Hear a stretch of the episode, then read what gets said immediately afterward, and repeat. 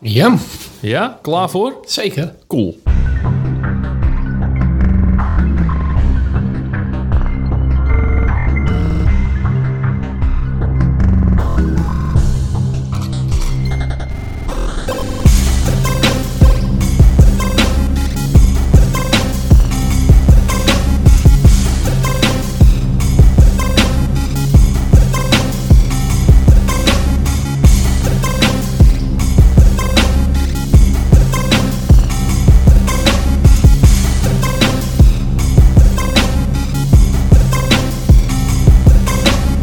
Welkom bij de In de Aap gelogeerd podcast, seizoen 2, aflevering 1, met uw hosts Johan en Jeffrey.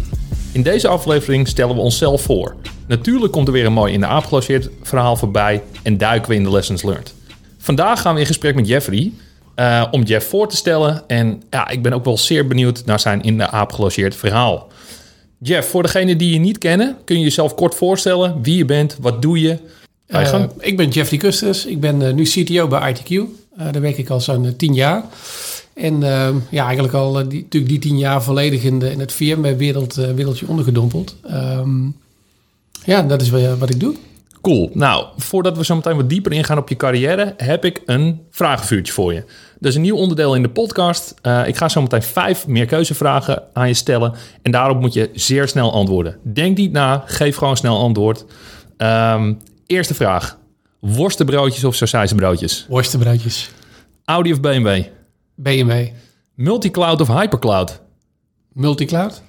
VCDX DCV of VCDX NV? DCV. En de laatste wordt mede mogelijk gemaakt door Dilemma op dinsdag. Er woont een haan in je nachtkastje of je praat Engels zoals Louis van Gaal. Engelse was liever. Is eh, een van de vragen nog onder... Of zou je, zou je nog wel dieper, dieper willen ingaan op een van de antwoorden? nou, misschien de VCDX. Dus niet omdat ik DCV dan leuker vind dan, eh, dan NV. Maar het was wel mijn eerste. Ik heb twee Ah, ja. VCDX-certificeringen. Ja, eh, Johan, je hebt zelf ook je VCDX gehaald. Dat moment dat je je mailbox ziet... dat je het gewoon fucking gehaald Ja, dat is mooi. Dat is gewoon een mooi moment. Dus En je bent de enige, denk ik, in Nederland op dit, nog, op dit moment met een, dubbele, toch? Ik denk het wel. Ja. Ja, volgens mij wel. Ja. Ja, mooi. Hey, dat is eigenlijk een mooi bruggetje naar, de, naar je carrière. Eh, laten we daar eens even induiken. Kun je misschien wat leuke hoogtepunten uit je carrière noemen? Ja, ja, zoals ik al zei, ik werk nu al tien jaar bij ITQ.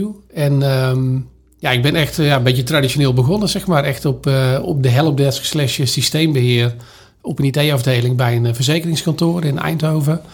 En daar heb ik eh, ook best wel een poosje gewerkt. En dat, dat ontwikkelde zich ook best wel. Die, ehm, ze fuseerden eh, met een aantal andere kantoren, werden overgenomen door ING. Dus uiteindelijk was dat best wel een serieuze omgeving geworden eh, voor MKB-standaarden. ja, daar deed ik gewoon het, het beheer en uiteindelijk ook een beetje teammanagement. Dus ik ben best wel leuk eh, daar opgegroeid, zeg maar, binnen de IT. Vanaf de hele novel netwerkwereld richting de Microsoft-wereld. En uiteindelijk eh, ja, had ik wel de behoefte om echt bij een bedrijf te gaan werken waar IT core business was.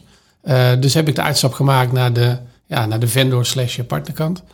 Toen ben ik ehm, bij Atos gaan werken. Atos Origin heette toen nog. Ehm, ja, bij Atos was ik eh, als consultant professional services deed ik voor nou ja, alles wat met Wintel infrastructuur te maken had. Dus Windows bovenop x86. En ja, dat was natuurlijk van alles. En ja, daar heb ik wel een paar hele gave projecten mogen doen. ehm, bij echt immens grote omgevingen. Dit is echt nog allemaal pre-virtualisatie hoor. Dus het was allemaal gewoon bare metal. Ja, dan voor bedrijven als Axo Nobel of voor. Ja, gewoon tienduizenden fysieke hosts. eh, managen, projecten doen, dat soort dingen. Dat was wel echt heel gaaf. Ik merkte wel dat na een jaar of vier was ik wel echt wel toe aan wat nieuws. Een nieuwe uitdaging.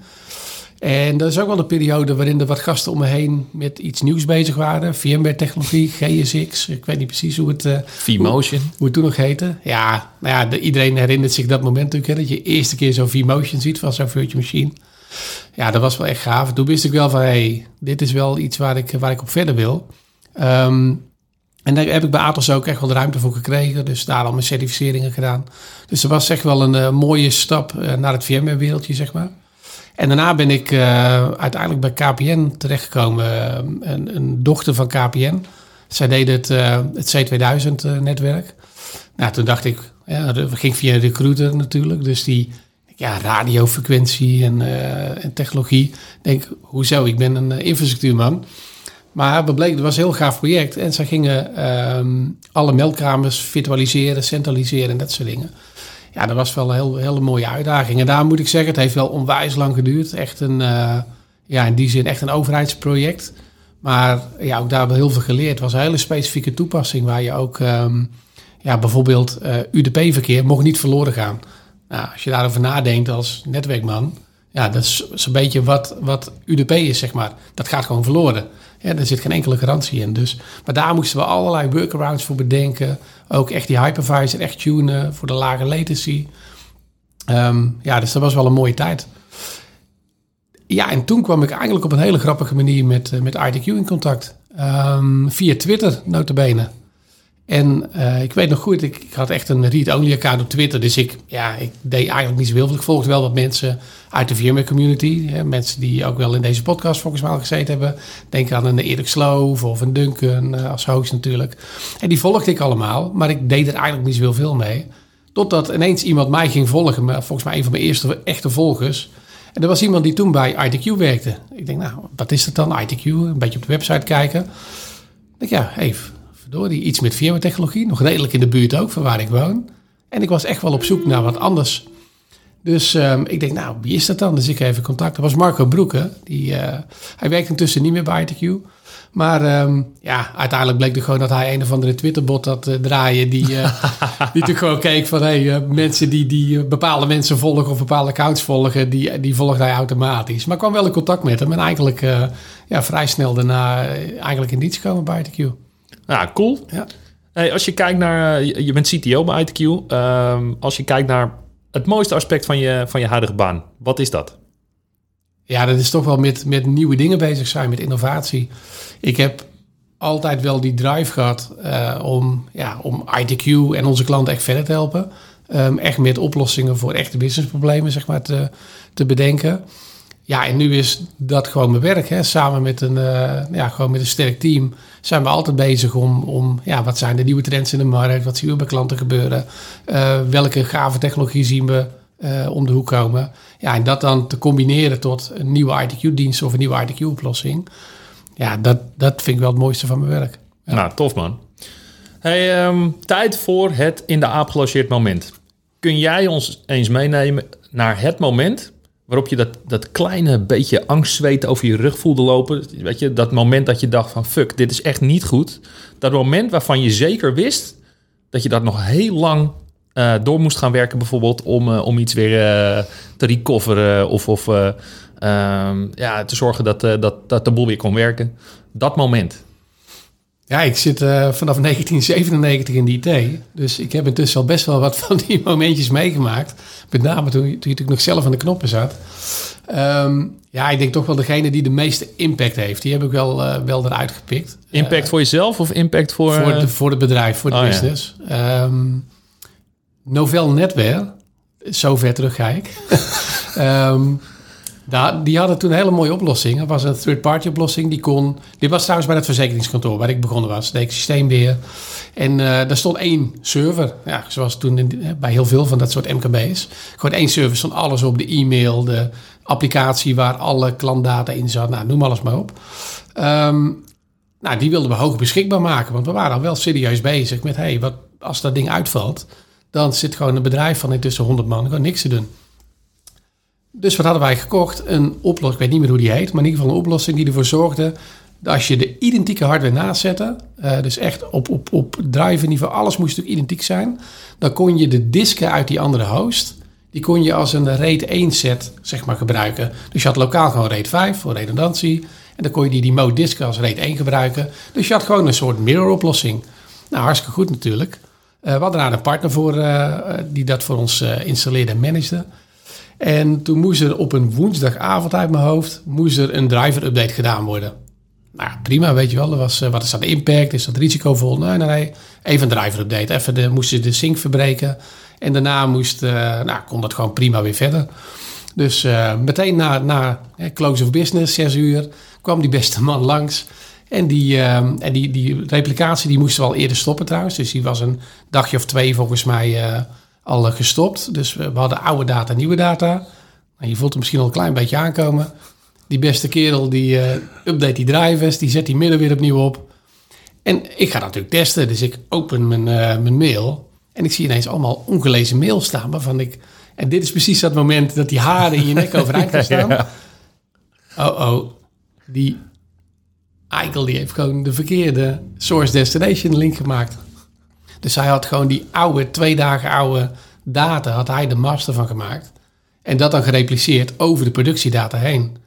Einde van de dag, hè, meteen om zes uur gefixt. Dus totaal geen backup van die dag. Dus we waren gewoon een volle dag echt aan data kwijt. En dan is wel even goed om te snappen hoe die verzekeringsbusiness werkt. Als jij een autootje koopt en je belt dan naar je tussenpersoon... en je zegt, hey, ik heb een auto gekocht, die wil ik graag verzekeren... Uh, dan zeg ik, ja, prima, die eh, nemen ze op. Kloppen ze in het systeem. En dan is hij een voorlopige dekking. Dan ben jij al verzekerd. Maar dan moet die tussenpersoon het nog wel doorgeven aan de verzekeringsmaatschappij. Dus kan je voorstellen dat als je een dag van die data kwijt bent... je hebt geen idee wat je verzekerd hebt, wat je in voorlopige dekking hebt. Dus toen waren we echt gewoon een dag data kwijt. Ja, die man die werd ook, hè, onze directeur, de eigenaar, uh, die kwam er ook bij. Die heeft die man letterlijk opgesloten in een hok... Er werd ook meteen met een verklaring opgetekend. Ja, je moest natuurlijk aan alle kanten juridisch gaan indekken. Dus um, nou, bij Gods gratie hadden we een, uh, een zo'n nice logger, dus een telefonie oh, ja. voice recording systeem. Dus hebben echt batterijen aan mensen hebben dagenlang, wekenlang alle telefoongesprekken van echt wel een groot assurantiekantoor terug moeten luisteren. Uh, ja, om te kijken van ja, wat hebben we beloofd? Welke uh, verzekeringen moeten we nog doorzetten? Maar daar zitten dus ook gewoon medewerkers bij die naar, hè, dat was nog voor mobiele telefoons zelfs dus. Ja, dus mensen belden met, de, met de, de, zakelijke telefoon gewoon naar huis. Van, hé hey, schat, zet jij de aardappels vast op? nou, dat waren dan nog de nette verhalen. dus ja, dat, dat had echt heel veel impact. Ja. Oh man. Als je daar dan zo over nadenkt, hè, wat, wat, zou dan, uh, wat, wat zijn de lessons learned die je eruit hebt meegenomen? Van die, van die lessen, levenslessen eigenlijk, die, uh, die je ja, daarna je carrière wel hebt kunnen toepassen? Nou ja, weet je, uh, doe geen aannames. Dat is denk ik wel het allerbelangrijkste. Ik nam aan dat die beste man precies wist waar hij mee bezig was. En ik nam dus ook aan dat er niks verkeerd kon gaan. En ik nam aan dat het dus oké was dat we geen backup hadden voordat we zo'n kleine actie deden. Ja, daar moet je dus gewoon, uh, daar ga je gewoon nat. En dat bleek. Aannames dus ik had daar, uh, ja, absoluut. En daar heb ik, ja, toen, ik, ik, ik voelde me niet verantwoordelijk dat ik degene was die die fout had gemaakt. Maar ik voelde me wel verantwoordelijk, want dat was wel onder mijn toezicht dat ik dat hem heb dat laten doen. Dus dat, uh, dat was wel even een momentje waar ik uh, even op terug moest denken met, toen we deze podcast uh, gingen voorbespreken. Ja. zijn er qua impact, is er, is er, hebben jullie lang last gehad van, van, van wat er gebeurd was? Ja, dat heeft echt wel, wel, denk ik, een maand geduurd voordat alles weer een beetje in normale modus weer terug was. Want ja. er zaten gewoon echt mensen, ja, moet je voorstellen, gewoon tien mensen op een rij met, met zo'n koptelefoon op, alleen maar die gesprekken terug te luisteren.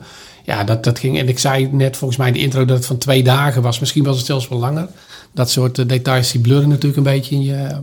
Uh, als het zo lang geleden is. Maar ja, dat echt wel echt serieuze impact. Ja, ja heftig man. Ja. Hey, ja, bedankt voor het delen van dit, van dit moment. Uh, ik kan me voorstellen dat dat zo'n, inderdaad zo'n angstcijpeltje zweet heeft, heeft veroorzaakt. Um, als je nou eens nadenkt over een, uh, een, een, een, een general lessons learned. Gewoon eigenlijk iets wat je, wat je onze luisteraars kunt, uh, kunt meegeven. Uh, mag over een ander onderwerp zijn, dat maakt niet zo gek veel uit. Wat zou dat zijn? Ja, dat zit denk ik toch in de hoek dat je in jezelf moet blijven investeren.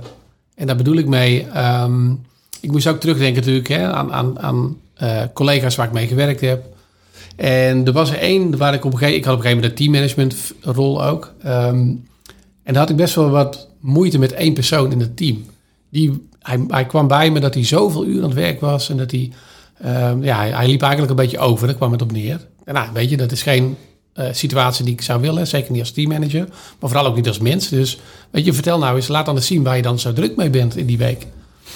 Nou, dat bleek dus, hij vond dat als hij s'avonds wat aan het lezen was over iets in de IT, maar ook in zijn, uh, als hij in een lapje bezig was of zo, en dat zag hij echt als werkuren en niet als investering in zichzelf.